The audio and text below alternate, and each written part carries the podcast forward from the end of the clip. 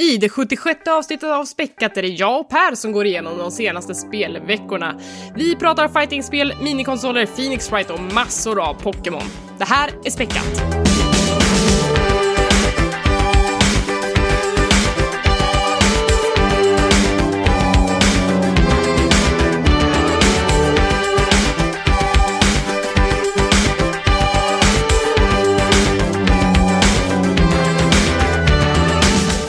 Hej och välkomna till Späckat, en podcast om spel och allt runt omkring. Det här är avsnitt nummer 76 och jag heter Elisabeth Bergqvist. Med mig har jag idag Per Paladin Landin. Tjena Elisabeth! Hej! Det är bara vi två idag, men det kommer gå bra tror jag. Alltså gud vad konstigt. Har det här... det här har du bättre koll på än vad jag har. Har det här hänt någon gång i Späckats historia? Att det har bara varit du och jag som har suttit och pratat. Ja, ja det också. Det kanske är... Det har inte hänt, men däremot så tror jag att eh, Tommy och Niklas har gjort lite singelpoddar någon gång de två bara. Ja. Eh, Men, men den här konstellationen, den har ni aldrig hört förut och den kommer ni, jag tänkte säga aldrig få höra igen. Aldrig börjat. Så jag tänker att det är så himla gött att ta lunch med dig och snacka skit om spel. Så jag tänker att vi ska kanalisera in det idag, här. Ja, vi låtsas att det är en lunch alltså. Skitsnack-time. Exakt så. Eh, Jag tänkte börja med att fråga, hur mår du? Jo men det är bra. Eh, mycket som händer på, på jobbet nu med Minecraft. Jag får nästan tänka efter här så att jag inte säger, säger någonting. Men eh, vi har ju släppt en del kul grejer nu eh, med anledning av att eh, man har lagt till katter och pandor i spelet. Ni hade en Så- omröstning. Jajamän, det hade vi. Att man fick såhär, det var bilder på tre fula katter, alla var exakt lika fula. Och så skulle man rösta vilken av dem som skulle få vara med i spelet. De var väldigt arga, katterna. Ja, och en av dem var en sphinx, så att jag var ju partisk. Ja, och jag, när jag såg det här från början, så fort det här går här, jag måste berätta för Elisabeth. Ja, Nu, nu kör vi. ja. Eh, det var en väldigt spännande omröstning. Och, Vilken eh, katt vann? Det gjorde Jelly. eh, en eh, eh, väldigt standard vit bondkatt skulle jag säga. Bleh. Tråkigt. Ja, ja, lite tråkigt. Jag upptäckte först idag att det finns någonting, vad hette de? Engelsk, någon engelsk katt som är jätte, jättefurrig. Brittisk korthår? Ja! Ja, exakt! Åh, jättefin! Sån skulle ha varit med i omröstningen. Eller sån där Scottish Fold, de som har så här äh, små öron. Ja, ja, det vet jag inte. Alltså Scottish Fold, de har så här öron som, som lutar sig framåt så att de typ eh, ser så här konstant så här, äh, jag inte, lite, lite deprimerade ut. Ja. Ja, det var i alla fall eh, en tävling att få in sin egen katt i spelet. Så att, Mm. eh, ja, nu har vi en, en nionde katt i spelet. Men ser alla katter ut som den? Nej okej, det är en nionde katt. Ja, det är olika, det är olika skins liksom. Mm, så att det, det kommer i alla möjliga eh, versioner och allting. Mm, jag fattar, jag fattar. Okej, men kanske en dag så blir det en sphinx. Jo, precis. Ja, pass. Nej, och sen så har jag tittat på DreamHack Atlanta den här veckan. Eh, Mm. Vi har på jobbet skapat en, en, en fighting game-grupp. Åh vad roligt! Ja, det är skitkul. Alltså Eh, spelar ni eller tittar ni eller både och? Bo- både och. Och nu så börjar ju vanskas eh, Super Mario Bros. Smash, eh, Super Smash Bros. Ganska snart. Så folk är väldigt eh, pepp över det och vill ha turnering på jobbet. Och jag Mm. Börjar känna den här känslan, åh, jag borde köpa en Switch och kanske lära mig det här. Alltså, nu när det är Black Friday snart och allting. Ja, ja, ja. Mm. Ja. det låter som en så jag satt och tittade på DreamHack Atlanta den här veckan i alla fall med FGC och följde mitt, mitt hjärtebarn ehm, eh, Speedkicks som spelar eh, Tekken 7. Okej. Och Speedkicks han är en jättebegåvad spelare som spelar samma main som jag, Huarang, Var kommer är ifrån? USA. Det är väldigt lärorikt att sitta då och titta på hur en person spelar och få massa inspiration från den specifika karaktären man spelar själv. Och Speedkicks, han är jättebegåvad men han, han är jättenervös när han är ute på offline-turneringar och, och spelar. Och det går alltid så här halvknaggligt. Och nu har han typ missat kvalet för världsmästerskapen i tecken som är typ i december. Så att det här var lite av en så här trösttävling för honom. Och det var så, ja, det kom, det var så himla spännande. Eh, in på finalen, han förlorade i första finalen. För att i, i fightingspel så kommer man ju från, de använder mycket win, winner och losers bracket. Och vinner eh, personen från losers bracket i finalen så blir det en extra final. Och det gick till den finalen. Och jag tror att det kom ner till sista rundan där han lyckades vinna. Så jag bara Åh. satt hemma och skrek liksom yes! En riktig, en riktig nagelbitare alltså. Ja, eh, verkligen. Och sen så hade de också, för första gången nu så satt jag och tittade på eh, Soul Calibur 6. Eh, hur det kommer fungera som, som e-sport. Och det är ett spel som jag har spelat och pratat eh, varmt om här. Men som eh, inte gjorde sig så bra i e-sportformat tyvärr. Även fast den här superstjärnan eh, Sonic Fox var med och tävlade och slutade typ Ah. högt. Sonic Fox är ju intressant på många, många sätt. Men framförallt så är han ju någon slags underbarn inom fighting game-scenen. Han är så speciell för att han tävlar i flera olika spel samtidigt och är jäkligt bra på samtliga av dem. Det där är ju helt sjukt. Ja, för jag hade inte ens koll på att han tävlade i Soul Calibur 6, utan såhär, de, de jag hade koll på att han var såhär, eh, riktigt vass på är typ Injustice 2, eh, Dragon Ball Fighter Z, Fighters, jag vet inte vad man säger, och eh, eh, nu ska vi se, Mortal Kombat X. Alltså det är spel med högt eh, skill cap. I alla fall Mm. eh, Dragon Ball Z definitivt. Eh, var det inte så att han vann också någon tävling Dra- Dragon Ball Z ganska nyligen? Jo, i Evo vann han. Han vann i, nu ska vi se om jag minns rätt, att han vann Dragon Ball Fighter Z i Evo och sen så kom han typ två eller trea in i Injustice i samma tävling liksom.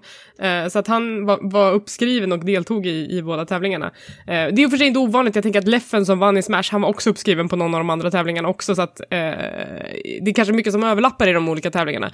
Men, eh, men Sonic Fox är ändå något alldeles extra eftersom han just toppresterar i Det allihopa där av är dem. så- är så himla sjukt, för jag har precis eh, efter mycket om och men eh, gått och köpt Street Fighter 5 nu för att försöka lära mig det. Och Mm. det är ju natt och dag, för i fightingspel så pratar man ju så mycket om typ frame rate, frame recovery, eh, köa, attacker och så vidare. Och när jag försöker lära det här eh, andra spelet och jag Mm. kommer från tecken, då är det som hela min värld är upp och ner. Det är som att lära sig gå igen. Så att Just kunna det. juggla sådana där flera samtidigt är ju eh, extremt imponerande. Ja, det är Ja. sjukt. Eh, så att om man eh, kollar på fightingspelstävlingarna, håll utkik efter Sonic Fox. Han är den som alltid har någon slags blå rävhatt på sig. Han är ju eh, furry, som jag förstått det. Och, och eh, gillar att gå ut och fira iförd sin liksom stora rävmask. Det ser Jo, väldigt men han, eh, sp- han spelade i dräkten i, i slutspelet också. Det måste vara så otroligt varmt. otroligt ja, varmt. jag tror, jag, jag tror han har sagt det också. Men framförallt, jag tycker det är så himla modigt, för jag får ju känslan av att eh, jag, jag kanske har fel här, men F, F, FGC, alltså Fighting Game Community, Mm. eh, kan vara så här hårdbarkad och verkligen så här, ja, här hänger de coola kidsen. Och så, så att, att kunna outa sig på det sättet i en sån miljö, i dagens klimat, är ju Mm. också en, en extrem eh, merit. Jag tror att det är, jag tror tvärtom. Jag tror att det är just det communityt som du faktiskt skulle kunna göra det. För att jag menar, om någon skulle komma in i Counter-Strike-communityt och säga hej, jag är furry, du skulle ju dö. Ja, alltså, ja. det händer ju inte. I, i, i fighting game-communityt, det är ju så speciellt för att det är så mycket gräsrotsrörelse i det. Det är ju en, en, en scen som har blivit åsidosatt av spelutvecklarna fram till nu. Det är nu de börjar inse att okej, här finns det business. Till skillnad från PC-spelarna som ändå har haft ganska mycket support från start. Eh, och där har vi ju sett att det, det, det kommer mycket så här kids från gatan, det, det, det är folk som har eh, liksom hängt på arkadhallar och spelat där, de har inte haft råd att ha konsoler hemma, så det är väldigt mycket outcasts som hänger i fighting game-scenen och jag tror att det är just därför som det gör att den är lite mer accepterande än de andra e-sportscenerna. Ja, men det kan jag gå i god för. Man ser att det är mycket så minoriteter eller underrepresenterade grupper som, som spelar. Mm. Och och det, är, det är fint på något sätt. För att i, i just tecken så står utvecklarna så nära den scenen också och engagerar sig mycket med communityt. Mm. Eh, så, så det är så mycket feel good och eh, det blir så men organiskt på något sätt. Det känns Mm. verkligen som att man känner sin gräsrotsrörelse själv. Eh, Så jag tycker att den är supergemytlig, hela den scenen. Det är därför jag tycker det är kul att kolla på de turneringarna, för att alla verkar vara ganska så här, bra kompisar med varandra, det är bra stämning.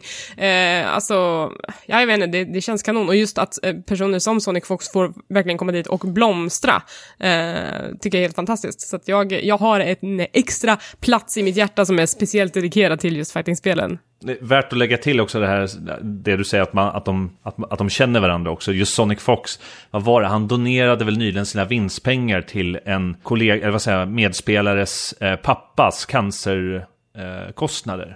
Ja, precis. Det var nu när han vann den här Injustice Pro League-tävlingen. Eh, så, så skänkte han en fjärdedel av sin, sin prispott, som var, den låg på 40 000 dollar, så han skänkte 10 000 dollar till personen som kom på andra plats, eh, Rewind. Och som du säger, hans pappa åkte in för operation för cancer eh, dagen innan de skulle åka iväg på den här turneringen. Så då blev det som liksom en monetär, ett monetärt stöd till familjen, vilket, alltså ni vet hur det är i USA, det behövs. Alltså, för, ja, precis. Jättefint, men fram, jag blir imponerad. Fan vad koll du har! Här sitter jag så här höfta, men var det inte så här? Och så bara, jo, exakt, det är 40 000 kronor som eh, skänktes liksom eh, det, här, det här klockslaget. det här var en väldigt, väldigt lång eh, derail från min sida. Hur mår du, Elisabeth? men jag mår jättebra. Jag tycker det är kul att få prata om sådana här grejer, så att, eh, det är väl ett tecken på att jag mår bra om någonting. Eh, nej, men jag mår kanon. Det har, det har inte hänt så mycket liksom. Jag har jobbat mycket med Peters spel, mycket recensioner på sistone. Det är därför har det varit lite svårt för mig att komma, komma till, till podden och spela in. Jag sitter den här veckan också ska göra en recension på, på Pokémon Let's Go, som jag ska prata om senare. Eh, men... Exclusive on späckat. Ja, det vet jag inte om hur exklusiv den kommer bli. Men... Ja, just, just idag. Men ändå, eh, jag var hemma hos min mamma nu i helgen och det är, min mamma är som bekant, hon är ju lite gamer, hon har ju spelat Starcraft och sådana där grejer. Hon är ju Extremt inte, avundsjuk. Hon är inte This ain't her first rodeo, om man säger så. Men jag eh, streamade Metro 2033 förra veckan och, och inför det här så har jag läst samtliga böcker i Metro-serien av eh, den här författaren som har skrivit. Sen när jag blev klar med de böckerna så gav jag dem till min mamma. Som i sin tur har plöjt de här böckerna eh, slaviskt och tycker att de är jätte, jättebra. Precis som jag tyckte att de var, de var bra liksom.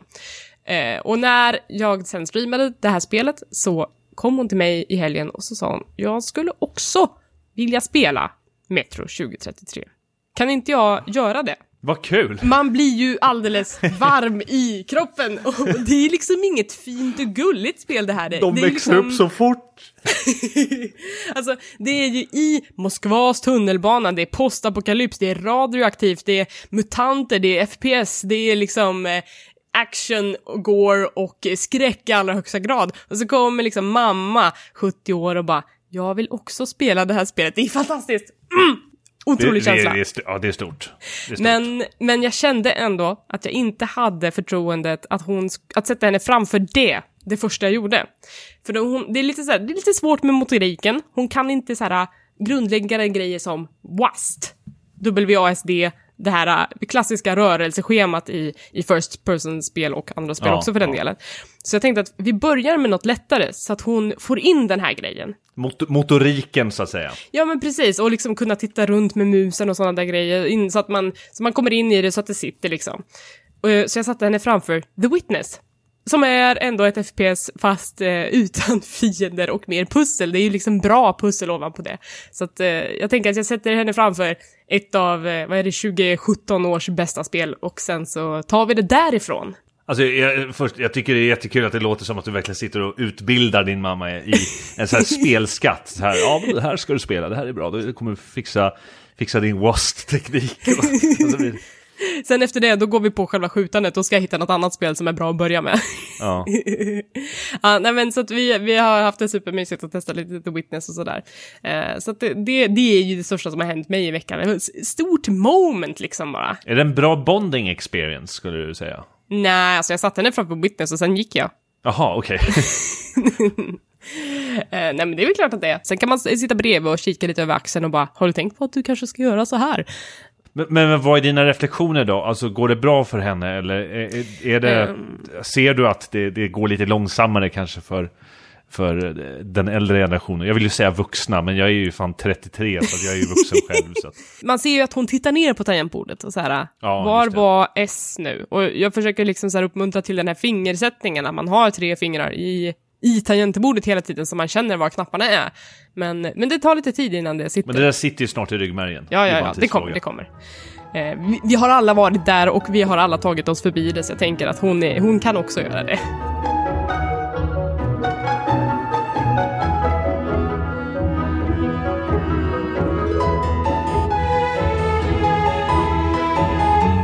Så, om vi ska gå vidare till vad som har hänt i veckan, och inte bara i veckan utan även förra veckan, så, så är det ju en mängd saker som, som har skakat om spelvärlden. Men eh, den som jag kanske har mest känsla för, den första trailern till Detective Pikachu. Har du sett den här Per? Ja, eh, det har jag. Ehm, och vad ska man säga? Alltså det slog ju ner som en, som en bomb egentligen. Mm. Hade du eh, koll på det här sen innan? Konceptet Detective Pikachu. Mm. ja, det hade jag. Att det skulle jag. bli en film? Ja, det hade jag inte. Det hade jag det hade jag absolut ingen aning om. Så därför kom det här kanske, jag vet inte, det kanske var etablerat, alla visste om det här. Eh, Jag visste inte om det, så det kanske kom som en, en glad överraskning. Ja, alltså jag hade koll på att det skulle bli en film och jag visste att Ryan Reynolds var castad till att spela Detective Pikachu just. Men, men på den tiden, för några månader sedan, då var, gick det ju så namnlistor att man istället ville att Danny DeVito skulle spela Detective Pikachu. Man ville ha Ja, lite men mer. det där är väl en kvarleva från eh, spelet Detective eh, Ja, Pikachu, att det precis. skulle vara Danny DeVito. Själv tyckte jag att, att jag hade velat se Gilbert Gottfried som, eh, som Detective Pikachu. Ja, men, men, eh, men nu kom i alla fall den första trailern och nu får vi höra Ryan Reynolds in action som detektiven Pikachu. Tillsammans med Justice Smith i rollen som, eh, vad heter han nu, Tim Goodman. Just det, pojk, eh, pojkspolingen. Pojkspolingen Alltså, han som, har, eh, tappat, bort sin pappa. Precis. Och alltså det första man slås av är ju såklart den här realistiska tonen de har försökt få till på alla Pokémon. Mm. Eh, hur, hur de har päls och hur vissa ser kanske rent eh, morbida ut. Eh, jag tänker främst på att de visar ju till exempel en scen med Mr. Mime som många reagerat på och tycker att det är a thing of nightmares. Jag tycker att de lyckades få till, alltså när, när Mr. Mime blir den bästa scenen i en trailer, då har de hittat någonting, tänker jag. Alltså, utveckla. Ja men i- Mr. Mime är ju en fruktansvärd Pokémon i grunden. Vem bad om Mr. Mime? Vem fångar och tränar en Mr. Mime? Vem säger så här med gott samvete? Ja, jag har en Mr. Mime i mitt party. En sjuk person gör det. Ja, verkligen. Ja. Eh, men nu har man liksom gjort om Mr. Mime till en jättekul komisk karaktär som genom att mima till Detective Pikachu att han ska dra åt helvete, blir, det blir kul liksom. Eh, Så att, så att, så att när, och den scenen slog mig verkligen för att jag har haft ett sånt starkt hat mot Mr. Mime och helt plötsligt så sitter jag och skrattar åt och med honom. Det är stort. Är du, är, du, är du en sån här som i, i Pokémon Go, du ser att det är en Mr. Mime ute, bara, nej jag orkar inte fånga den här. Ja, absolut. Jag orkar inte, ja precis. Hatar honom. Precis så känner man. Bara, jag orkar inte kasta pokébollar på den här. Jag kommer aldrig använda honom, det är inte ens värt eh, Stardusten. Nej, nej, det händer Ja. inte. Sen, nej men alltså sen det här med, med Ryan Reynolds, alltså, ja men han är ju så, han är på, så himla på tapeten just nu. Och jag, Mm. jag känner jag är lite trött på honom. Jag tycker att redan när jag ser honom nu, kommer han direkt från eh, Deadpool 2. Eller kommer Mm. direkt från. Men han har ju eh, liksom fortfarande synonym med den rollen. Och är liksom det här, på något sätt, fourth wall skådespelaren just nu. Mm. Och att han kastar sig här nu, i hans position. Jag tycker inte det funkar. Eh, jag tänker liksom bara på, åh, där går Ryan Reynolds. Jag tänker inte på, där, åh, där är De- Detective Pikachu. Nej, och jag tycker att det, det som, som är tråkigt med hans insats här är ju att han spelar Ryan Reynolds. Han spelar ju inte Detective Pikachu på något sätt. Han gör ju Nej. sig själv. Och det tycker jag är tråkigt, men det har väl säkert med regin att göra, att någon har sagt åt honom, gå in och gör din grej. Men det är ju inte riktigt det han ska göra, känner jag. Nej, precis. Och det är kanske redan det här att folk tycker det är så konstigt att, det, att rollen som Detective Pikachu är redan så eh, konstig att folk redan debatterat det här. Åh, han har en röst, han, han pratar, han... eh, jag vet inte om det spelar in att man vill försöka flytta fokus lite eller hur, hur det funkar. Att, men, att, men Något som är bekant liksom. Den här stilen i alla fall. eh, Mm. Den, den grafiska den. stilen, tänker du? Den grafiska stilen. Vad tycker du personligen om att den är så här verklighetsförankrad? Alltså, man har ju sett eh, liknande saker förut i såna här fanvideos på YouTube. Det brukar komma liksom var, var, var tredje år en extremt ambitiös Pokémon-kortfilm som något fan har gjort. Och de brukar ofta se väldigt bra ut. Och jag tycker ändå att det här följer lite i samma, alltså på ett sätt så känns det som att det här är väldigt likt sånt som amatörer gör på YouTube. Och samtidigt, eftersom jag har sett så många sådana kortfilmer så har jag lite vant mig vid tanken. Um, något som är intressant är att man faktiskt har plockat in en fan-artist som heter RJ Palmer, eller han är ju konstnär sedan innan, men, men har på sin egen tid eh, ritat realistiska Pokémon eh, som om de vore liksom förhistoriska djur. Och den personen har man sen anlitat för designen i filmen. Och det tycker jag är superroligt liksom. Ja, jag minns när de här cirkulerade på Twitter faktiskt. Mm. Eh, det, han, har, han gjorde väl typ uh, Gyarados eh, i någon form av så här scale-lista på Mm. eh, störst och i nedåtgående led med, Ja. med, en, med målet att de skulle se realistiska ut. Ja, men precis. Eh, och jag tycker det är bara jättekul att de liksom plockar upp fans som har något bra på gång och säger hej, hjälp oss att eh, göra det här till, till en bra grej, den här filmen. Sen är det ju inte exakt hans stil för att de är ju extremt dinosaurielika de här Pokémonerna, utan de är ju lite mer närmare sina, sina cartoon counterparts. Men en, någonting man kan fundera på så här, är, ska Jigglypuff vara pälsklädd? Jag tycker det är helt okej. Jag tycker det är helt okej. Jag, jag, jag, jag satt och tänkte på det där. Eh, redan nu, Mr. Mime ser nästan obehaglig ut att... Eh, att den är så geléaktig. Och jag, jag, jag tänker mig att Jigglypuff som vanligtvis är liksom bara en, en rosa boll. Men han ska vara, det, eller, det ska vara en ballong. Ja, men ja, vill man, vill man att det ska vara en ballong, då ser den ju plastig ut. Ja, den ska ju kunna liksom sväva ser- lite grann. Al- Alternativet är att den ser antingen väldigt eh, flesh ut. Jag tänker nästan som, som ett foster. Ja. Och det vill man ju inte uppnå. Jigglypuff ska ju vara söt. Och därför gör man det så här lite rufsig, lite päls. Jag tycker det var helt okej. Jag gillar den tolkningen. Och framförallt att det är ett East... Jag vet inte om man ska kalla det för Easter egg. Men att det är liksom en... Ja men det är väl lite av ett Easter egg att den st- står och kör karaoke med en kulsprutspenna. Eller Ja. inte, inte kulsprutspenna. Eh, från, från Pokémon-animen. Ja, ja, men precis att det, det är så här, uh, har stått och kört en serenad, någon har somnat och Jigglypuff är förbannad liksom. Ja, Man känner ja, igen exakt. den, eh, den grejen. Eh, hur vågar du inte vara vaken och lyssna på min fina sång när den i själva verket är liksom sövande? Jag, var det inte med dig som jag pratade om att det här är en film också som förmodligen har väldigt mycket självdistans till sig och just är därför en så här cateras till nostalgikerna. Det här Mm, absolut, det tror jag att det kommer vara. riktar till sin en, en högre målgrupp. Eh, jag, jag tänker att det är någonting som man ska kunna gå på både föräldrar och barn och föräldrarna ska kunna känna igen sig i det om de själva har varit gamers. Eh, samtidigt som barnen kommer in i någon slags wacky, alltså fast å andra sidan den är lite gritty så att det är inte hur små barn som helst heller. Eh, tänker jag att det ska vara. Nej, har du spelat spelet? Detective Pikachu har jag spelat, ja, och det Ja. är väldigt troget spelet, det jag har sett. Okej, men och hur, hur går är det liksom? Det är väldigt barnsligt. Eh, Ja.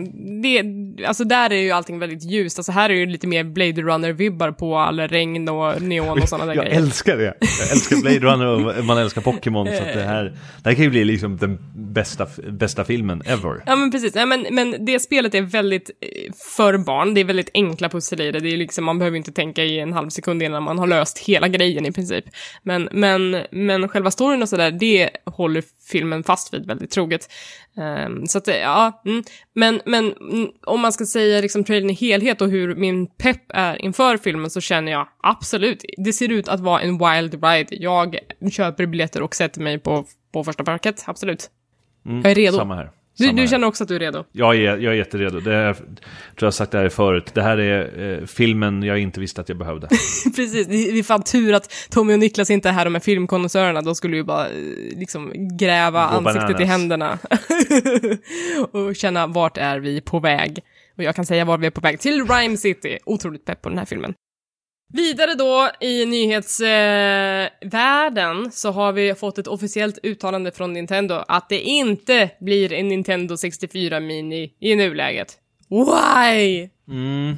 Det känns tråkigt. Ehm, det känns jättetråkigt. Ehm, jag vet inte vad man ska säga om det faktiskt. Jag tror ehm, att Nintendo 64 hade gjort sig betydligt bättre än eh, Playstation Mini. Ehm, Även fast, som jag sagt tidigare, att det här är en konsol, konsolgeneration som är inte är så förlåtande vad gäller grafik. Att det är så lätt att se att den är utdaterad och att spel inte åldras så mycket med värdighet. Det är sant. Eh, med ett fåtal undantag. Så att jag kan förstå det, att Nintendo inte vill göra det. Och, och det är liksom någon slags gränsland till är den verkligen retro än riktigt? Men, men jag tänker också att liksom Nintendo 64 har ju varit den av Nintendo-konsolerna som har varit mest otymplig i sin, jag vet inte, alltså NES och SNES-spelen, de har vi ändå kunnat eh, skaffa på mer eller mindre lagliga sätt, men det är lite svårare med att emulera de här eh, Nintendo 64-spelen. Några av dem har ju kommit i remasters och remakes och det börjar komma mer och mer till just 3DSen och det är ju positivt i sig, liksom att det har kommit Majoras Mask och Ocarina of Time och vi har fått Luigi's Mansion och sådana där grejer. Så att de kanske inte anser att Nintendo 64 är död på samma sätt som NES och SNES har varit. Nej, precis. Och jag tänker också att här så sitter ju ändå Nintendo också själva på väldigt många eh, licenser själva. Så att de hade kunnat släppa, de bästa spelen hade kunnat finnas med på den här. Eh, men kanske inte varit tillräckligt i alla fall. Jag tänker att, att som Mario-entusiast sätta sig och spela 64 igen. Ah, jag vet inte om det hade varit så kul. Samma sak med, som du själv sa, eh, eh, Majoras Mask, eller Mm. eh, eh, vad tänker jag på? Ocarina of Time. Eh, Men det, däremot så är det ju andra, andra spel som Goldeneye som alla säger att de vill ha en remake på. Man bara, vill ni verkligen Nej, det? nej, nej, det vill de inte. Det, usch. Det var tråkigt redan då, skulle jag säga. Wave Race skulle jag kunna tänka mig att spela igen. Nej vänta, inte det GameCube? Skitsamma. Svårt. Men, men PC Mini i alla fall då. Det, det är ju någonting som har kommit istället för Nintendo 64 Mini. Det är alltså något, något företag som, som kände att vi ska rida på den här vågen och släppa en PC Mini med gamla DOS-spel, typ. Ja. Det här känns ju som någonting vi kanske inte har bett om alls. N- nej, inte, nej. Eh, det, det roliga nu när du säger DOS-spel, då börjar jag tänka på, för, först och främst, jag har ett e- extremt ointresse av PC Mini. Det låter inte som det finns någonting att hämta där överhuvudtaget. Däremot måste jag börja tänka på, hmm, Mac Mini. Det hade varit kul. Ah. däremot. Spela så här gamla, gamla, alltså det, mina första minnen som spelentusiast, det sitter på liksom den här första, vad heter, hette de här gamla Mac-datorerna som man hade i skolan när man var pytteliten? Jag vet inte. Jag kanske är för gammal för det här. Det är väl IMAX, eller vad? Nej, jag, jag vet inte om det var IMAX. Uh, rikt, riktigt så här gamla små burkar. Ah, okej, där man okej. bytte spel på disketter. Ah, Och spelade typ så här, vad hette det, Pilot. eh, man flög en helikopter och skulle släppa ner en person i en hölada. Eh, en, en, hö- en hövagn. Gud vad gammal jag är. ja men gud, jag har ingen Number aning om, du måste förklara vad det här är för någonting. Ja, jag får, jag, får, jag får återkomma i ett senare avsnitt och prata. Jag, jag har liksom, det här är bara fragment. Jag minns att man bytte spel på diskett. Det är det viktiga. det Ja, här. och, och här är ju den stora skillnaden mellan PC och Mac också, speciellt i, i, på den tiden. Det är ju att eh, Max är ju en, eh, en designklassiker. De är ju ganska gulliga liksom. Men när man tittar på en PC Classic, och speciellt hur den här eh, PC Classic-konsolen ser ut, det är jävligt ful faktiskt. Ja. Det är såhär grådassig plast. Och det ser typ ut som en PC fast knappt ens det. Och den innehåller spel som man kan spela i öppna arkiv i browsern. hemsk ljudemulator, diskanta ljud. Liksom, det kan inte Ja. finnas någon... Det finns ingen USP här. Det, nej, verkligen inte. Så... Ja, jag vet inte om det finns så mycket mer att säga, säga annat än lycka till. Ja, men det är så här, det är inte minikonsolen vi önskade oss, men det kanske är minikonsolen vi förtjänar. eh, men eh, mer på konsolfronten. Sony, eh, den stora, stora speljätten som ligger bakom, hör och häpna, Playstation. De vill inte vara med på E3 längre. De har gått ut och sagt att vi kommer inte vara med på E3 nästa år, den stora spelmässan där man vanligtvis visar upp väldigt mycket spel. De har ju redan varit lite så här äh, aviga i år när de under E3 2018 dels bara visade upp fyra spel som de liksom fokade på ordentligt. Eh, och sen så ställde de in Playstation Experience i år, en, ett eget event som de brukar vanligtvis ha varje år i november. Eh, de ställde in det och sa vi har helt enkelt inte tillräckligt mycket att visa och nu drar de sig ur dessutom i E3 nästa år.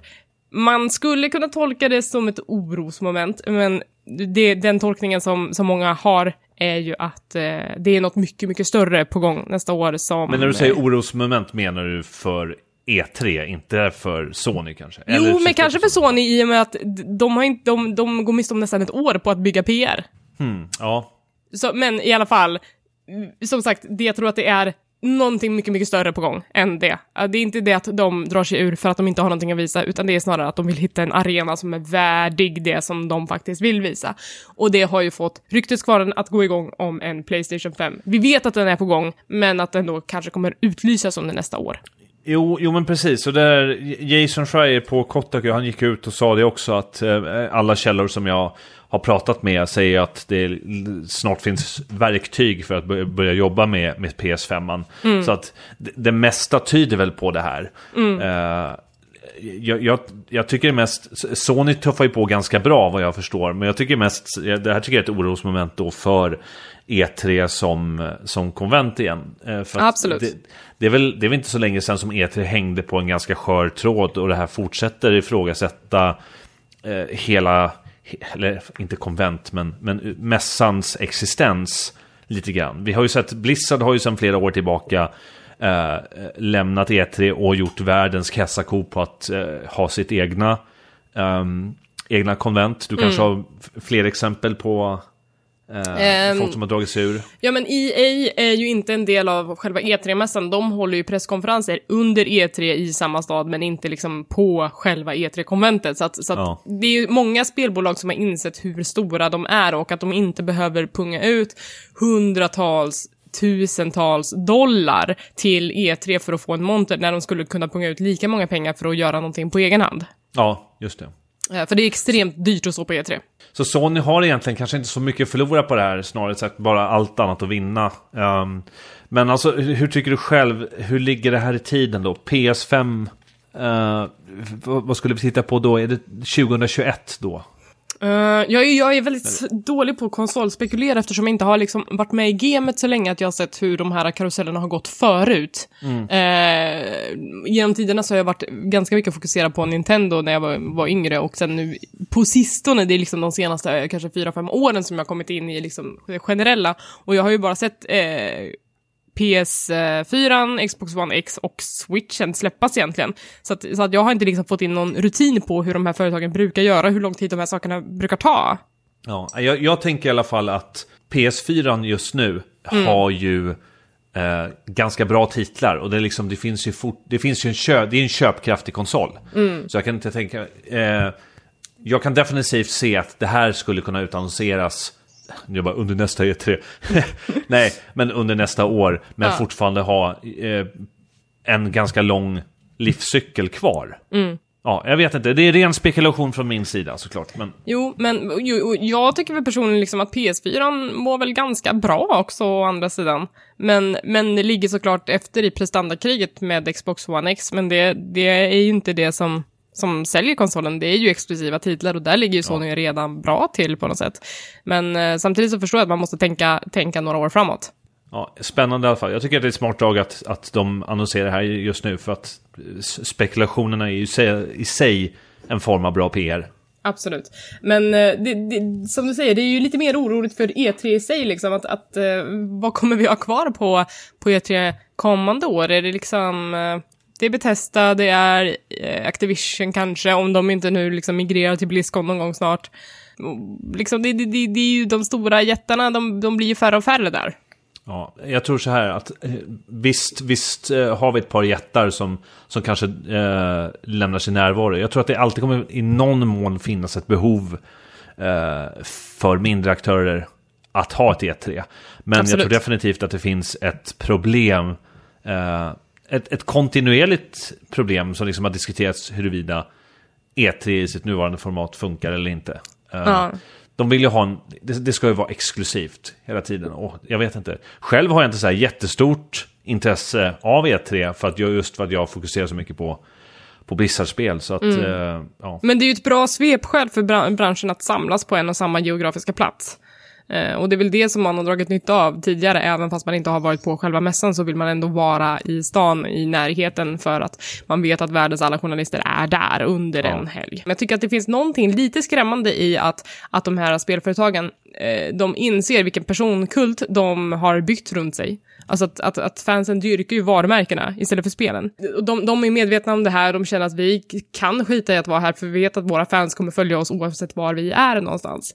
Um, och det, på ett sätt är det kul för dem, men tråkigt för media och tråkigt för branschen för att det, det uppstår ju i samma, i samma rum något slags eh, eh journalistfrakt journalistförakt där i att man tycker att det är viktigare med influencers än vad det är att nå journalister. Eh, så att liksom, varför ska vi bjuda in media hit när vi kan bjuda alla våra fans som kommer göra tusen gånger mer content och vi vet att alla kommer vara glada? Det blir liksom inte så mycket utrymme för kritisk granskning på samma sätt. Nej, men det där är ju eh, överlag en branschutveckling. Jag brukar, det, där tycker jag är kul att du tar upp som exempel för det där är en praktik som Blizzard har förändrat ganska mycket själv också. Jag tänker på när jag började skriva om, om spel eh, 2008. Jag tror jag gjorde min första resa 2009.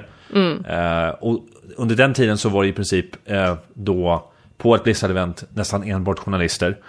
Eh, från det att jag gjorde min typ senaste resa där eh, journalisterna var i minoritet och kanske bara en eh, stor en tredjedel. Resten var liksom influencers, youtubers, eh, eh, streamers av olika slag. Eh, så att det där är en, en utveckling som verkligen har cementerats och jag tror att det kommer förändras. Nej, och, då- och det funkar ju för dem och det är ju, det är ju en av anledningarna till att E3 sakta men säkert blir irrelevant för utvecklarna.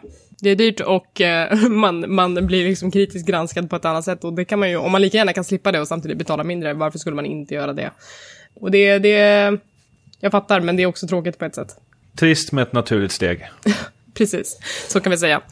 Slutligen så har jag en till grej jag skulle vilja köta lite om och det är ett annat spel som faktiskt inte finns eh, så mycket i E3-sammanhang längre och det är Valve. Allas våran godbit som har gått lite ifrån att utveckla spel till att faktiskt driva den här spelbutiksplattformen Steam. Eh, men tidigare har ju de, de legat bakom storspel som liksom eh, Portal, Half-Life, Dota, Counter-Strike. Så att de, de, de har ju riktigt tunga titlar i bagaget. Och sen så, så skulle de nu utlysa ett nytt spel förra året. Och då sa de att det kommer bli ett kortspel baserat på Dota 2. Precis, alltså de gjorde ju det här på International 2017 och eh, det var ju liksom, luften gick ju ur arenan när det hände. Jag hade kompisar som var där och sa att det var helt ofattbart. Kanske inte lika illa som när Diablo Immortal utannonserades på Blizzcon nu, men nästan i den Alltså stilen. på dål- luften gick ut på ett dåligt sätt. Ja, men Liksom precis. inte, de drog inte efter Anna bara Ja, ja, "Åh, ja, spel precis, som jag vill precis så. Utan det var mer typ så. För det var ju ingen som hade bett om ett kortspel till Diablo Immortal alltså. Ja, ja men precis. Så, så, Eh, så nu så har ju liksom betakoderna till Artifact gått ut till eh, streamers, eh, mestadels Hearthstone-spelare, alltså folk som är framstående inom kortspelsscenen. Då har liksom de fått betakoder och så ska de få testa liksom spelet. Och sen så lyfte embargot på att de fick dela med sig av sina åsikter om spelet häromdagen. Och det var inte så bra. Det var väldigt mycket sura miner om Artifact faktiskt. Ehm, så att det är liksom, om, om utannonseringen var dålig så har det inte blivit bättre sen dess, om jag ska säga så. Det här tycker jag är överraskande. Jag har ju fått... Eh, Valve har ju byggt upp den här bilden av sig själva. Och jag tror att det är eh, stor del så som en liksom felfri miljö. De har släppt spel som är solida och som med tiden har blivit sådana så här, som inte var eh, långt ifrån perfekta när de släpptes, men med tiden har blivit så här riktiga solida diamanter. Mm, klassiker liksom. Riktiga klassiker. Och eh, det finns ju den här bilden av att eh, eh, kodarna och utvecklarna på Valve är liksom felfria, underbarn, eh, lite av en kult och eh, ett privilegium att få jobba där. Och då tänker man att ja, de här ska ju kunna knopa ihop eh, nästa stora succé utan, eh, utan problem. Och så dimper det här ner i brevlådan. Ja, men precis. Och, och det, det ska ju sägas också att det är många tongivande utvecklare och speciellt kanske författare som har legat bakom till exempel Half-Life som har lämnat företaget också, så att det är ju inte samma utvecklare som sitter där nu som när de här största klassikerna släpptes. Nej. Eh, och det ska man väl liksom ha i minnet samtidigt. Men eh, ja, Eh, om vi ska bara dra igenom kort vad den största kritiken är så är det ju att allt kostar pengar. Exakt allt. Att, att andas i Artifact kostar pengar. Då måste du öppna plånboken omedelbart. Eh, spelet kommer i sitt grundutförande kosta 20 dollar. Då ingår två stycken kortlekar som är färdigbyggda. Men, men, sen så ingår det också, jag tror det är 10 card packs, så att du kan öppna dem och få nya kort. De kan fortfarande vara dubbletter av sånt du redan har. Eh, och sen så ingår det fem eventbiljetter som man använder för att låsa upp speciella spellägen. Och eh, enligt de här streamer-personligheterna så är ju de här speciallägena är ju det som är roligast i spelet. Och det ska då kosta en dollar för varje gång man, man spelar det. För de här eventbiljetterna är ju inte gratis när de är slut. Och samma sak med cardpacksen. De ko- kommer kosta två dollar när de är slut. Men Så att- finns det sätt då i spelet att grinda ihop sig till det här självmant? Alltså det brukar ju oftast finnas ett supplement till att försöka, ja men som i Hearthstone, för att kunna spela arena så kan du fortfarande spendera eh, guld som du, går, som du kan tjäna via quests, även om det är väldigt långsamt och man kanske vill liksom eh, kasta sig in i arena mycket snabbare, så går det ju ändå liksom att långsamt spela sig till. Eh, vet om det finns alternativ i, I- eh, Artifact? I betan så var svaret nej det fanns inget sätt att spela sig till varken nya kort eller eventbiljetter. Du var tvungen att betala för det. Eller använda liksom pengar som du har tjänat ihop via Steam-marknaden för att köpa individuella kort. Det kunde du också göra. Men eh, nu har det blivit så otroligt mycket kritik runt eh, den här betalmodellen så att Valve har faktiskt gått ut och eh, svarat på kritiken lite grann. Så att en av sakerna de kommer göra nu är att om du får dubbletter i dina cardpacks, som du fortfarande har betalat två dollar för, så kan du liksom omvandla dem till de här eventbiljetterna så att du kan spela andra spellägen. Mm. Så då, då det, finns det ett sätt att, att få en sorts valuta, men du måste fortfarande betala för att få den. Så det är fortfarande inte bra. Det, som men det, de det rimmar ju fortfarande väldigt illa att, att förmodligen en av eh, spelvärldens eh, rikaste bolag ah. som har en sån extrem kassako eh, både på Steam-plattformen men också i, i eh, eh, Counter-Strike Go och, och Dota 2 gör mm. ett spel som mjölkar konsumenterna ytterligare och på ett ganska brutalt mm. sätt också. Mm. Ja, man, man, jag frågade ju det också, eh, Micke som hade, eh, han har haft ganska mycket koll på, på hur det här har utvecklat sig och jag frågade, men, men är det åtminstone gratis det här spelet? Han bara, nej, det kostar 20 dollar och då ska man liksom dessutom betala för att få den här förnedringen på något sätt. Ja, det känns ja. otroligt eh, olustigt faktiskt. Um, sen spelet i sig verkar också inte heller vara någon superhöjdare, så att det är inte, de har inte mycket att komma med här. Och Artifact ska ju faktiskt släppas i början av nästa månad, så att det, de har inte mycket tid på sig kvar att fixa de här grejerna nu. Nej, jag såg väl lite kort bara att, att Disguise Toast, som eh, är en, en slags Hearthstone-profil, uh, ganska poppis, som själv prövade det här spelet, han, uh, han sa det att han tyckte att det fanns ett högt uh, skill, skill cap, att det är ett ett intelligent spel. Mm. Men eh, just det här som du säger, att eh, folk eh, betonade också att det inte finns, eller att det kanske inte är så himla kul att spela. Jag, jag, jag, tittar ju på det och tycker att den, det, det, det, är kul att ha supplement i Hearthstone, även fast vi kanske redan ser det i, i Magic the Gatherings eh, Och Gwent och Elder Scrolls eh, kortspelet ja. och sådär. Mm. Det är ju det, själva artistiska eh, stilen på det är ju eh, väldigt nischad om man säger så. Det är ju, mm. det caterar ju verkligen mot en Dota-publik. Eller det här lite realistiska, fant eller realistiska fantasyhållet. Men jag tror att du förstår vad jag menar. Ja, men det känns otroligt valv när man tittar på det. Alltså Dota-fans kommer känna igen sig i estetiken. Mm. Så är det ju. Ja, nej, men jag, jag vet inte vad jag ska tycka om Artifact. Jag kommer kanske prova den när det kommer, men jag är ju inte sugen liksom. Man blir inte, man blir inte peppad när man hör att man måste bara betala hela tiden för att, för att göra saker i spelet. Det känns Nej, definitivt inte. Okul faktiskt. Och speciellt när man inte har någon relation till Dota heller. Då känns det som att jag inte ens har någon emotionell koppling till IP som kanske skulle kunna få mig att... För som Hearthstone hade, att det var ju så här, det var ju World of Warcraft fast i kortspel. Det, det känner man ju ändå någonting för, men jag känner ju ingenting för Dota.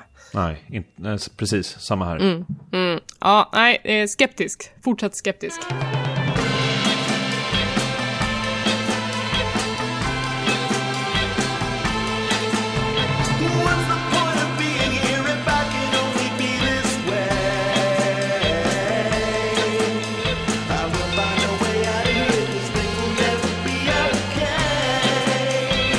Så låt oss avrunda avsnittet med vad vi har spelat sen sist. Per, kan du berätta vad du har satt händerna i sen eh, förra gången du var med?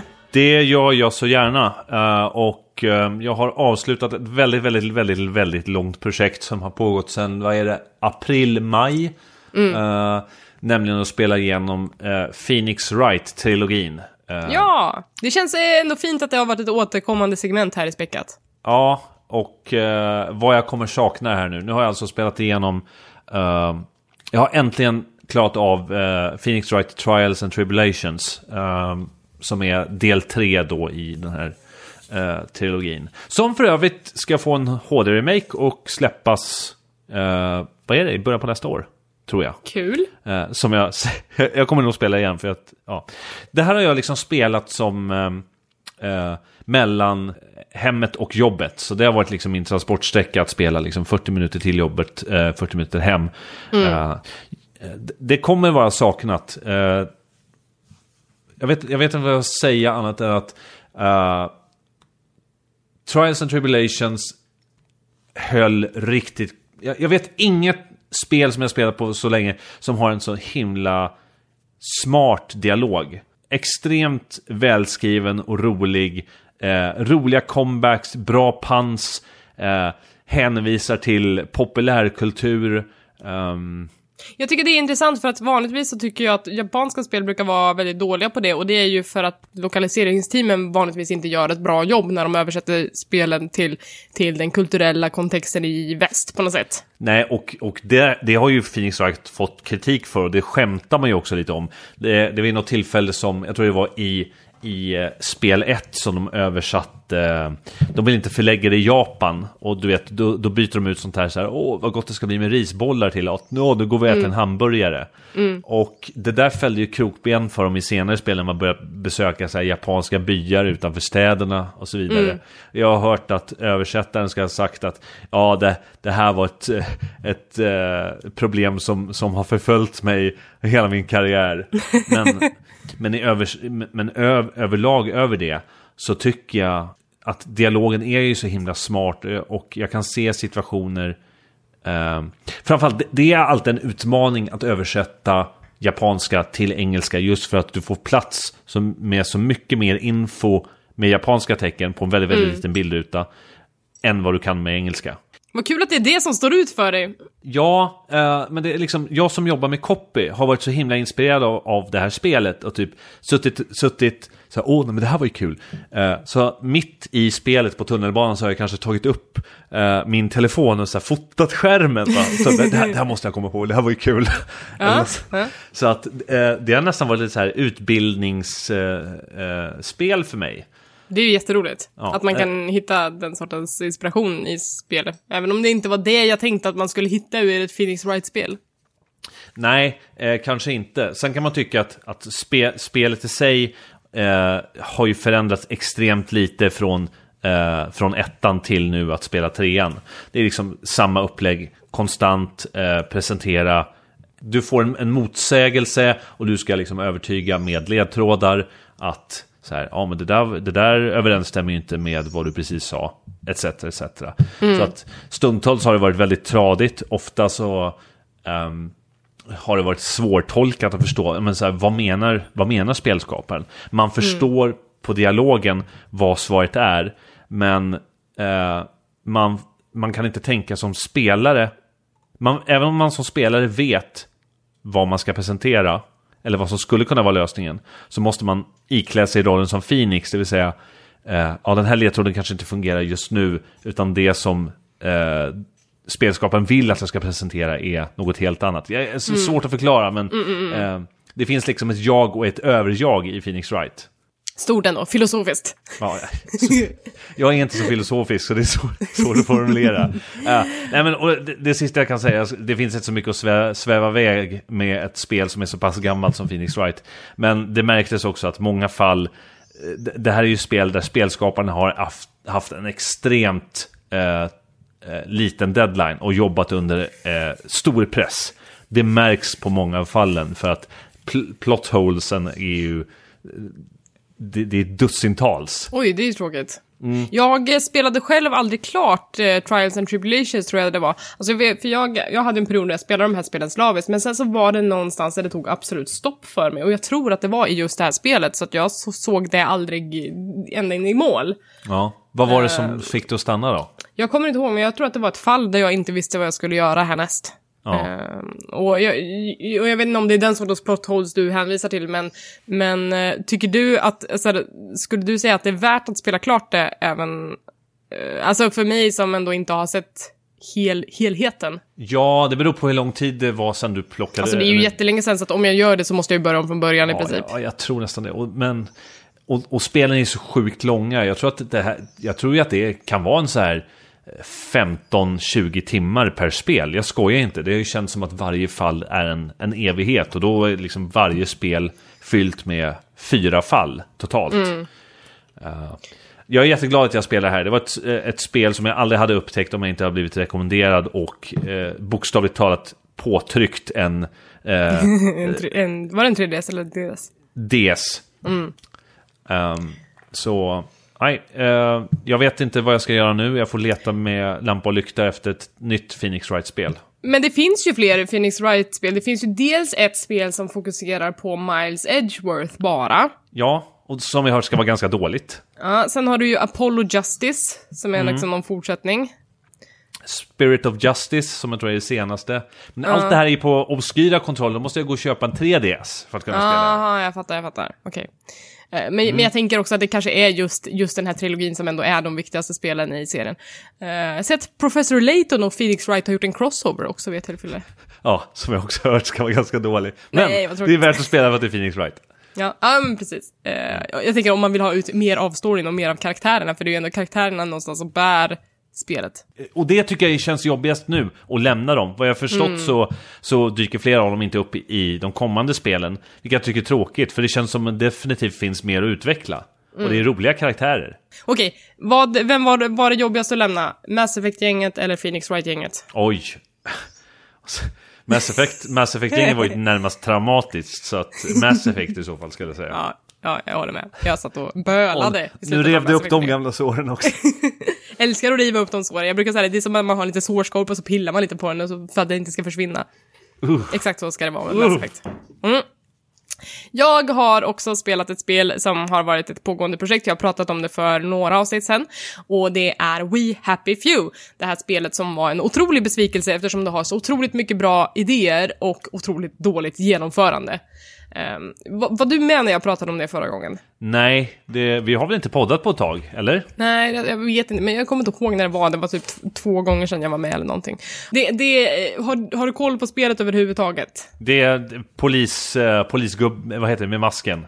Ja, Ja. precis. Det är det som är den vanligaste screenshoten Ja, från det exakt. spelet. Bra, då, då tänker jag på rätt spel i alla Ja, fall. det är rätt spel. Ja, men det är ju liksom en retrofuturistisk dystopi eh, där England har förlorat andra världskriget. Eh, de har gjort någonting fruktansvärt för att bli av med tyskarna och för att glömma vad de har gjort så tar de jättemycket knark. Eh, någon slags eh, g- piller, som också fungerar som, som någon slags eh, minnesrensare så att de inte ska helt enkelt komma ihåg vad de har gjort för någonting. Eh, och sen så spelar man som tre olika karaktärer som har en varsin berättelse i den här världen när de börjar se igenom det här eh, rusdimman och börja se världen för vad den egentligen är och sen ska försöka ta sig därifrån. Det är det som är grejen i det här spelet. Men det har otroligt mycket survival-element som verkligen inte funkar i det här spelet. Det är otroligt mycket eh, mätare att hålla reda på. Eh, man man eh, får inte visa att man inte längre tar lyckopiller för sin omgivning för då börjar de eh, attackera dig. Sådana saker som blir otroligt enerverande när man egentligen bara vill njuta av en intressant story som har mycket bra idéer. Ja. Så då pratade jag om det när jag hade spelat klart typ det första kapitlet. Men sen nu häromveckan så satte jag mig och så spelade jag igenom de andra två kapitlen. Jag vet inte riktigt varför jag gjorde det.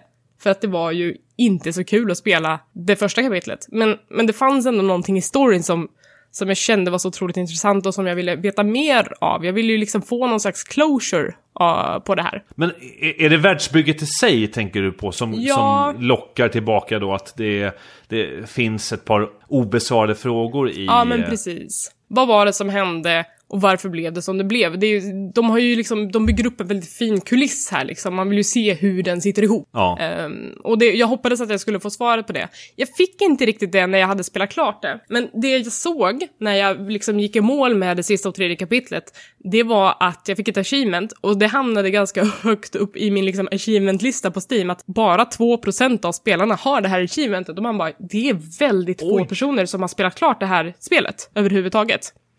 Och det är synd för att det tredje kapitlet innehåller den absolut mest intressanta spelmekaniken jag sett i ett spel på väldigt, väldigt länge. Är det någonting du kan spoila om, eller? Ja, jag tänker göra det för att det är ingen som tänker eller har eller kommer spela det här spelet ändå i mål, så jag tänker faktiskt berätta om Ja. det nu. Jag måste få göra det. Du har ju statistiken med dig, så att säga. Jo men precis, precis. Eh, det är nämligen så här att eh, den sista karaktären man följer heter Ollie Starkey tror jag, och han är diabetiker. Och eh, beroende på vilken karaktär man har så förändras de här olika survival-mätarna lite grann. Eh, jag ska inte spoila den andra karaktären vad hon har för survival-mätare, för det är ganska intressant när man kommer dit och man bara wow. Men Olly Storki är diabetiker och det du måste hålla koll på är ditt blodsocker hela tiden. Så att eh, för att höja och sänka det så har du ju dels kan du leta mat, men du kan också crafta sprutor med hjälp av honung så att du liksom kan få en insulinshot egentligen, en parallell till verkligheten. Vet du om det är typ 1 eller typ 2-diabetiker i det här fallet? Det Alltså, jätteintressant. det framgår inte, men det känns som en typ 1. Ja, okej. Eh, och det som är intressant är också att om ditt blodsocker blir för högt, då börjar det göra fysisk skada på honom och eh, man måste antingen crafta en annan sorts spruta för att få det liksom att gå ner, eller så måste man vänta ut och typ hila sig själv samtidigt. Men om blodsockret blir för lågt, då börjar han ställa sig och skrika på NPCer och drar då aggro från dem. Men, men har du så, så att, har du då en insulinmätare som visar så här, ja, så här Ja, eller en blodsockermätare. är det. Det är ju inte liksom, eh, de jobbar inte så komplext med insulin, utan det är mer så här att sockret är högt, högt eller lågt och du kan påverka det på olika sätt. Jag tyckte att det här var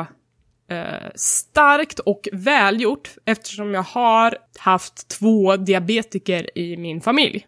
Och det här kapitlet eh, berörde mig så mycket för att jag kände så otroligt mycket igen mig i hur jag var tvungen att alltid vara på alerten för den här karaktärens skull. Mm. Det här kan jag också relatera till, eh, som Ja. jag också har eh, eh, en familjemedlem med, med diabetes. Så att, Ja, men precis. Eh, Så att, jag vet inte om du känner igen det. Alltså, det är många, det, det är ju, finns ju olika sorters diabetes och folk är väldigt individuella i hur sjuka de är och så vidare.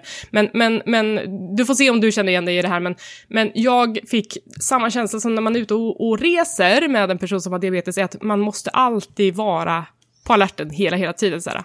Hur mår han? Har vi ätit? Har vi socker, godis, vad som helst med oss? Har han tagit sin medicin? Hur Ja. ser det ut liksom? Alltså man kan aldrig vara riktigt lugn på något sätt. Och det, och det liksom gör man ju för att man vill att den personen ska må bra, liksom. För att man vet att det kan, det kan gå ganska illa annars. Eh, och jag tycker att, och jag blev så arg för att det var gömt i det sista kapitlet som ingen kommer att spela. Jag tyckte att det var jätte- jättetråkigt för att det var en, en unik spelmekanik som berör någonting som, som faktiskt många kan känna igen sig i. Och de gjorde det på ett väldigt, väldigt bra sätt. Och så kommer ingen få se det ens. Alltså den att- introduceras så pass sent i spelet ändå. Ja, men precis. Det, du måste ha spelat kanske 15-18 timmar innan du ens får se det.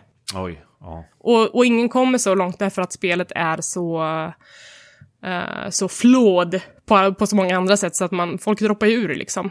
Ehm, så jag kände att jag, jag ville verkligen ta upp det i, i, i någonstans i den här podden, var som helst. Jag måste få prata om det här för att det var, det var en så intressant grej som jag aldrig har sett förut, som jag skulle vilja se mer av och som gjordes otroligt bra. Nobody's gonna see it!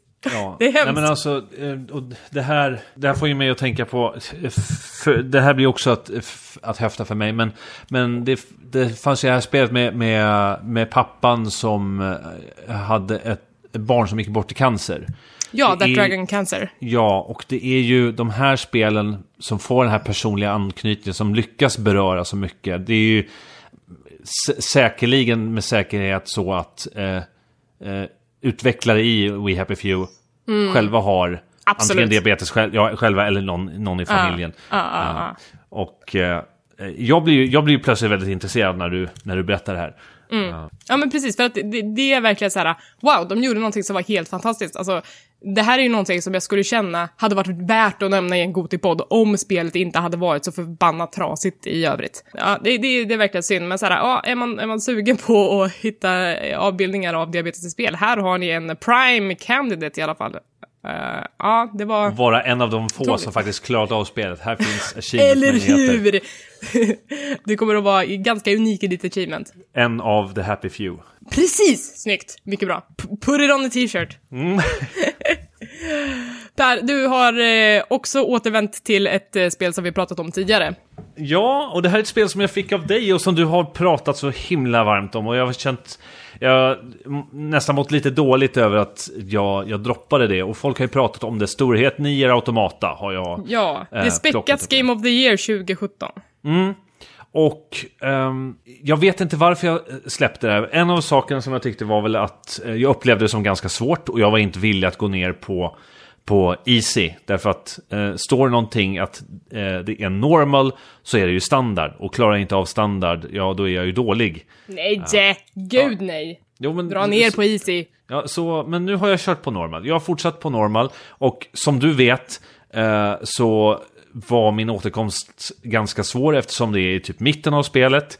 Och eh, jag försöker plocka upp gammal mekanik. Eh, så jag eh, skrev några sura Messenger-meddelande till dig så här. Åh, fan ingenting funkar. Och, jag bara dör. Och vad dålig jag är. Allting suger. Uh, det, det, nej, nej, det du skrev var jag, jag bara dör, jag är level 16 och kommer in i ett område där fienderna är level 36. Ja, vad är det för, vad är det för spelbalans liksom?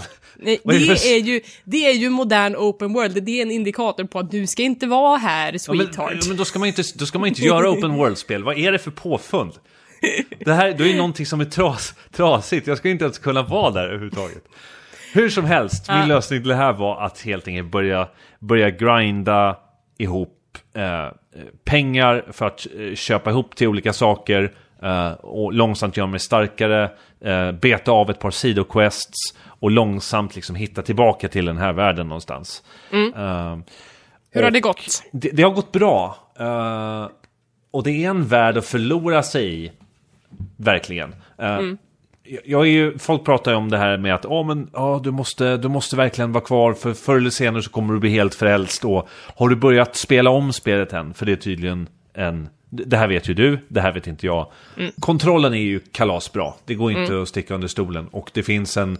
När du väl börjar lära dig hur saker och ting fungerar så finns det en väldig frihet i att göra saker. Uh, som jag uppskattar väldigt mycket. Så att uh, jag vet inte hur långt Eh, jag har spelat nio timmar totalt. Det är nog inte så mycket. Inte så mycket. Ja, jag tror att det finns eh, en hel del kvar att hämta mm. för dig. Men du, för till... du är fortfarande i din första genomspelning. Jag har kommit till kungariket i skogen. Oh. om det säger någonting. Ja, uh, det, var, det var ungefär där jag var när jag droppade av första gången. Jaha, okej. Okay. Mm. Ja, men jag tycker fortfarande så här, det är fortfarande monster som är helt, jag tycker bossarna är helt larvigt, larvigt svåra. Liksom, får jag en träff så går min hälsa ner på liksom 10%. Mm. Uh, och det tycker jag är fortfarande bullshit. Så allting jag gör i princip det är bara att ja, jag, jag försöker hålla så mycket avstånd som möjligt och, och skjuta på dem med avståndsattacker och sen peta lite på dem om de får chansen. Det tar en mm. stund.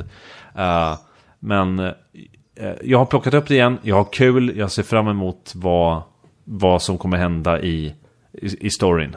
Mm. Eh, ett tips då från erfaren spelare, jag vet inte om du har det redan, men, men det finns ju så här olika chip man kan uppgradera huvudkaraktären med. Hon är ju en robot, man installerar små chip i henne. Det finns en, en uppgradering som jag eh, livnade mig väldigt mycket på i början av spelet och det är att, att, eh, jag undrar om den heter typ Revenge eller något sånt där, eh, eller om det är tvärtom. Revenge tror jag att när du får en, när ett monster träffar dig så tar den också skada. Men det finns också en, en annan chip som gör att när du slår monster så får du också tillbaka hälsa. Uh, jobba mycket med de chippen. Ja, att få tillbaka hälsa tror jag har jag inte hittat än. Jag har hittat en som ger mig 30% hälsa om jag besegrar en fiende. Mm. Uh, men jag har inte hittat... Men Revenge låter intressant. Den tror mm. jag finns. Mm.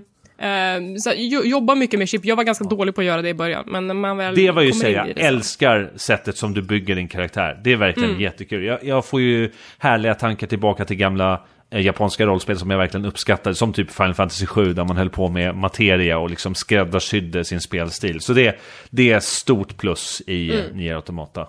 Mm, mm. Har du provat att ta ut OS-chippet? OS-chippet? Vilket alltså, är det? Är det hennes minnes... operativsystem. När man dör? Ja. I princip. uh, nej, jag vågar inte för jag antar att det är game over om jag gör det. Ja, det är det. Det är ett av sluten i spelet. Mm. Men man kommer ju tillbaka sen om man har sparat. Ja, nej, det tänker jag inte göra.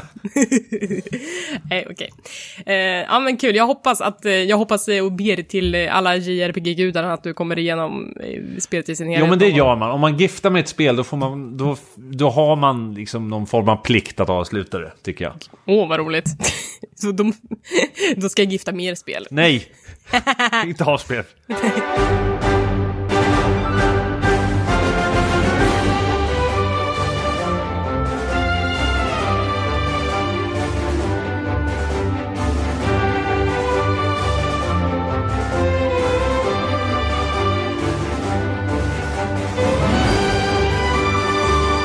Jag har ett spel kvar att prata om. Pokémon Let's Go spelen som precis har släppts till Nintendo Switch. Jag har Pokémon Let's Go Pikachu Det finns ju också Pokémon Let's Go Eevee och det här är i princip en remake av det klassiska Game Boy Color-spelet Pokémon Gul. Du är väl också Pokémon-nörd? Vi pratar ju mycket om Detective Pikachu-filmen tänker jag, men, just de här gamla spelen. Jag tror att jag, jag har spelat eh, Pokémon Blue, var min första. Pokémon Stadium har jag spelat. Um, Pokémon eh, Silver, Emerald och nu Pokémon Go. Ja, Eh, perfekt. som, som jag har för övrigt agerat någon form av eh, supplier för en på jobbet som spelar Pokémon Let's Go. Som har Ja. sagt, ah, Per, du ska ge mig alla Pokémon som jag kan ha i Let's Go. Eh, Okej. Och det här har jag fått betala hiskeliga summor dust för att liksom förse. Skit, det, det, är, det är en helt annan historia. Ja. Ja, ja, ja. Vi, vi kanske Let's kommer go. dit. Vi, vi får se. Men, men eh, då är du ändå införstådd med liksom de här gamla Pokémon-spelen och den här känslan man hade när man spelade dem när det begav sig. Ja, ja, oh ja. Det här är ju en otroligt bedårande remake. Det är otroligt fint på alla sätt och jag tycker att man har lyckats väldigt, väldigt bra med att fånga miljöerna så som man tänkte att de såg ut i huvudet. Ni vet, när man, när man har så här, så här väldigt, väldigt lågupplöst grafik som är i princip svartvit och man måste liksom fantisera ungefär hur det ser ut i, i sitt huvud. Exakt det har man lyckats förmedla i den här remaken. Allting ser ut exakt som det gjorde på Gameboy, men samtidigt exakt som jag tänkte mig att det skulle se ut också. Så eh, det är verkligen en unik känsla att, att sitta och spela det och bara, gud det var precis så här jag tänkte mig att det skulle se ut. Och det här är alltså, vad blir det? Det är alltså Johto som man... Eh, Kanto Eh, är det. Kanto. Eh, precis. Som man det, läser det är igenom. första generationen eh, Pokémon eh, som börjar i Pallet Town och eh, slutar med Victory Road där man ska besegra Elite Four. Men då antar jag att det blir väldigt mycket så situationer, eftersom du har spelat det tidigare, som Åh, den här gamla platsen, åh, det här minns jag så väl. Ja men verkligen. Fast det är så här skitsnyggt i HD 3D-grafik. Ja. Det, är ju, det är ju amazing eh, på många sätt och vis. Men det, det har ju också skett lite förändringar. Och det, det, det främsta är väl liksom fighting-systemet. Inte när man slåss mot andra tränare, men när man ska träffa Pokémon i det vilda. Först och främst så är random encounters borta. Tack gud i Pokémon-himlen för det här. För det är det, det var kul i början, men när man har liksom fått någon slags rutin på sitt Pokémon-spelande så blir man ju så jävla trött på att gå i högt gräs. Det finns en ovisshet om man kommer möta Ja, man och man bara, möta. jag har inte tid att möta den här Pokémonen nu. Så det som har hänt istället är att Pokémon Let's Go har börjat emulera liksom de mer moderna JRPG-erna där man ser fiende-encounters på liksom overworld-kartan och sen kan man Mm. välja att gå in i dem om man vill eller inte. Och det här tycker jag funkar jättebra för uh, serien. Alltså jätte, jättebra. Då kan man välja liksom, vad, vill jag gå in i det här eller inte? Man kan se vilken Pokémon det är. Eh, oj shit, det där är ju faktiskt en sällsynt Pokémon, där vill jag gå in. Och då slipper man liksom stöta på... Eh, det, det måste ju tidseffektivisera väldigt mycket. Till exempel om man redan har fått sin Ratata en gång, så nej, nu behöver jag aldrig mer springa in i Ratata igen. Men, men det, finns också, det, det finns också en twist på det här, för att när du går in i de här encountersarna med vilda Pokémon så kommer du till en skärm som snarare liknar Pokémon Go än ett gammalt Pokémon-spel. Eh, Så du har egentligen bara pokébollar och berries till ditt förfogande i det mötet. Du kan inte använda dina egna Pokémon för att slåss mot dem. Och det tycker jag är eh, till viss del bra, men också till viss del dåligt därför att det hänger väldigt mycket på motion-kontrollerna. Har du joyconen lös så måste du veva med den för att kasta bollen liksom fysiskt. Eh, och har du den i handheld mode med joyconsen på switchen så måste du liksom vrida och vända på switchen för att liksom träffa rätt. Eh, så att det, det, det är lite både hit and miss, pun intended, med, med det här systemet. Men det som händer då när du fångar en Pokémon är att samtliga Pokémon i ditt party får XP. Så därför finns det en poäng med att gå in att, och ta varenda Ratata du ser därför att du farmar XP. Ja, och då finns det inget sätt att skicka in sina Pokémon, utan de får per se, alla får XP. Alla i ditt party, det vill säga de sex Ja, okej. stycken som du har valt att ha. Eh, dä- däremot så, så följer också med den här grejen från Pokémon Go att du ska skicka Pokémon till professorn, så att när du har liksom 50 Ratata som du har fångat för XPns skull, då kan du välja att skicka dem till professorn och få Candy i eh, gengäld. Precis som i Pokémon Go egentligen. Ja, så det är ett spel som, som mixar liksom väldigt mycket av Pokémon Yellow och Pokémon Go Precis. i en, i en härlig sörja. Precis. Eh, till, mestadels ganska härlig. Det, det blir ju liksom något mer systematiskt fångande av Pokémon. När jag spelar de gamla spelen, då är jag mycket mer selektiv i vad jag fångar för någonting. Jag vill ha en av varje, jag vill kanske ha, eh, just för Pokédexets skull, men när jag väl väljer vad jag ska ha i mitt lag så är jag väldigt, väldigt selektiv. Eh, men i det här spelet så är det mer så här, jag fångar allt, det är bra XP liksom. Och på ett sätt så känner man sig liksom som en trålare som går och tömmer haven på fisk på något sätt. Det blir opersonligt på ett sätt. Och just det här med att man skickar Pokémon till professorn och får godis tillbaka. Det är som att man bara, did you kill them? alltså, man vet inte riktigt vad som händer där. Um, så det, det, det, är en väldigt intressant grej de gör i Pokémon Let's Go. Och sen så har du ju såklart din partner Pikachu eller Eevee som man kan klappa och man kan ge dem bär, man kan mata dem och Klä kan man... dem. Ja, man kan klä dem, man får massa fina outfits och sen så kan man liksom, om man gör speciella klapprörelser på touchskärmen så får de liksom små frisyrer. Otroligt gulligt. Exquisite. Åh, åh.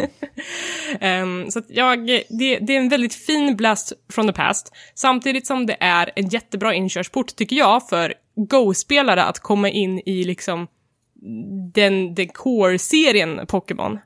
Så att eh, liksom har man någon som man vet spelar mycket Pokémon Go som vill ha mer Pokémon, då är ju det här där man ska börja för du får dels den ursprungliga upplevelsen eh, och du får samtidigt en väldigt tillgänglig och rolig eh, upplevelse som du dessutom kan spela i co-op. Så skakar du på den andra Joy-Con-kontrollen, då kan en annan person hoppa in och spela tillsammans. Okej. Men, men för att bara eh, återanknyta, det finns alltså någon form av ehm, eh, connection eller samband med, med de Pokémon du har i Pokémon Go och de du har i Let's Go? Kan... Ja, det kommer senare i spelet. Ehm, då kan du, när du kommer fram till Fuchsia City, så, så har de ersatt Safari Zone med någonting som heter Go Parks. Och när du är i Go Parks så kan du koppla upp switchen mot ditt Pokémon Go-konto och därifrån föra över Pokémon du har fångat i Pokémon Go till Pokémon Let's Go. Då hamnar de i en park och du kan gå in i den parken och fånga dem på, på nytt med eh, din karaktär i Switch-spelet. Och det där funkar bara one way, så att säga. Det Precis, inte du att- kan inte göra det åt andra hållet, utan bara från mobilen till switchen, Mm. inte tvärtom. Eh, det, det här är ett jättebra sätt att fylla ut Pokédexet för att både Pikachu och Eevee har ju då sina respektive exklusiva Pokémon, så att vissa dyker inte upp i det ena spelet eller det andra. Och då kan man liksom fylla på med de man saknar ifrån Pokémon Go. Okej, ja. Det här förklarar varför jag har fått eh, uppdraget att samla på mig en massa nya Pokémon till en viss person. Ja, ja, eh, jag eh, liksom sitter ju och dual-wieldar switchen och mobilen, så jag ligger i soffan och liksom battlar på Pokémon Let's Go, samtidigt som jag fångar en massa liksom skräp-Pokémon som jag ska sen föra över till Pokémon Let's Go. Gud. Eh, ja. Dessutom så har jag fått känna lite på den här Pokéboll Plus-kontrollen. Jag vet inte om vi kan bara nämna den lite snabbt innan vi, vi rundar av för, för det här avsnittet. Men eh, ni vet, det fanns ju ett sånt här armband till Pokémon Go som heter typ Pokémon Go Plus, som var typ ganska dyrt, och så, men man kunde använda det för att att liksom ta Pokéstopp och Pokémon on the go utan att öppna telefonen. Nu har det kommit en, en lite uppgraderad variant av den som heter Pokéboll Plus, som ser ut som en Pokéboll. Den är jättefin, såhär high-end plastleksak som verkligen känns och känns genuin och eh, ordentlig. Den, det är ingen liksom cheap shit det här. Det är så äkta vara man kommer till, den, Ja men till precis, det upplevelsen. skulle kunna vara en riktig pokéboll. Eh, den här kan du då använda som på exakt samma sätt att du har den i fickan, den vibrerar när du passerar något i Pokémon Go, du trycker på en knapp och spelet gör ett försök att fånga en Pokémon eller snurra på ett Pokéstopp. Inga konstigheter. Dessutom så låter den lite grann och den blinkar lite grann, den är väldigt spexig. Men du kan dessutom använda den som handkontroll i Pokémon Let's Go. Så då funkar den i precis som en Joy-Con, att du kan gå runt, du kan trycka på knappen, du kan kasta den för att fånga Pokémon. Men du kan också använda den som en slags eh, stegmätare, så att när du har spelat klart eh, Pokémon Let's Go, så ska du gå ut. Då kan du lägga in en Pokémon i din Pokémon Pokéboll Plus, som du tar med ut. Då fungerar den som en stegräknare. Och när du kommer tillbaka och laddar in den i spelet igen, så har den gått upp i level. Och det här tycker du är användarvänligt och är, är det en bra kontroll framförallt? Tycker du att det är skönt är- att spela? Nej, den är lite liten. Man krampar ganska mycket när man ska trycka på knappen. Eh, men den är spexig för att när man stoppar in eh, sladden för att ladda den så gör den Pokémon Center-ljudet. Otroligt charmigt. Den är charmig och spexig på många sätt, men den är otroligt inte värd pengarna ska jag säga. Den kostar 700 spänn och den Oj, är, ja. det är en glorifierad Joy-Con. Du får två Joy-Cons för nästan samma pris. Den enda gången du kan ha lite användning av den är om du kör Pokémon Go väldigt mycket. Då kan du spara ganska mycket tid på det. Overpriced leksak, kul julklapp om du vill lägga jättemycket pengar på något. Och på tal om Pokémon Go, du är dålig på att skicka eh, gifts i... Ja, men jag i... ska försöka Ja, det börja får du med bli det bättre igen. på. Jag behöver experience points. Ja, nej, jag, jag lovar, jag ska bli bättre. Nu när jag har den här pokébollen så är det mycket roligare att gå ut och spela Pokémon Go. eh, för att det Mm, går så fort. Om det är någon som ser någon på stan med en, med en boll i handen som blinkar och låter suspekt, det är förmodligen jag som är ute och spelar. Ja, det är fint. Men eh, jag tänker att det är det vi har för idag. Nu har vi liksom gått över tiden skitmycket, men eh, jag menar, vi får väl kompensera för att det inte blev någonting förra veckan. Man kan ju tro att två personer har, har färre grejer att prata om, eh, men icke. Det går åt andra hållet i späckat. No way Jose. Eh, det är Black Friday den här veckan. Har du planerat att fynda någonting? Eh, jag hoppas verkligen på att hitta ett bra pris på eh, Switch i det här fallet. Då lär det förmodligen bli av. Eh, annars kanske jag dröjer och väntar tills eh, Smash kommer.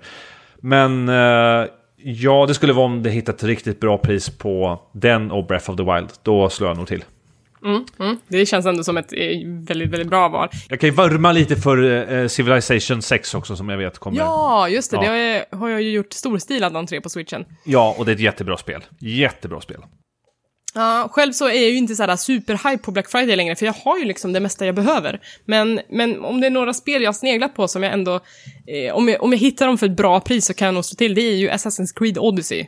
Inte kommit dit än, men, men jag köpte det nog förra året på Black Friday för ett jättebra pris och då tänker jag att jag gör en repris i år. Jag, jag undrar om inte jag har sett det här eh, på eh, någon tidig rea för typ eh, 20%. Så jag skulle säga att det, det finns hopp. Men ja, jag har inte spelat Assassin's Creed på ett tag och du säger att det här är eh, det som jag ska spela med andra ord. Jag hade jättekul med Origins, det som kom förra året, så att, och, och Odyssey verkar gå väldigt mycket samma stil, så jag eh, är ändå ganska taggad. Ja, Det har romances i sig, bara det. Kul. Men eh, ja, då taggar vi Black Friday, det borde ju vara när det här avsnittet släpps. Kul. Kanske rent av är, över när folk har börjat komma hem eller inte. Så, så. Eller hur? Ja, Faktiskt. men då kanske det finns någon, men sen blir det ju Cyber Monday, då fortsätter ju den här karusellen, den börjar ju bara om igen hela vägen fram till jul. Va? Cybermon? Åh gud. Ja, då är det ju liksom digital-rean. Mm. Det, är, det är mycket grejer. Missade du Singles Day också, då var det också mycket rea. Ja, mycket jag- rea nu. Ja, gud ja. Det gjorde jag.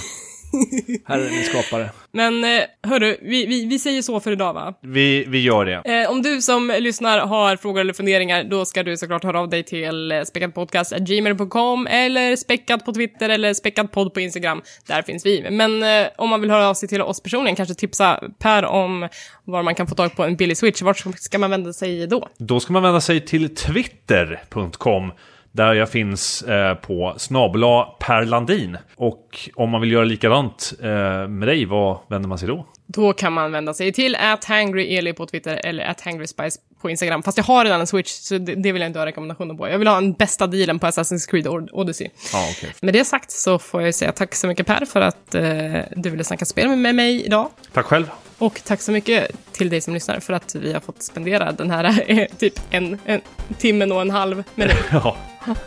Ha det så himla fint och ha en trevlig helg. Hej då. Hej då!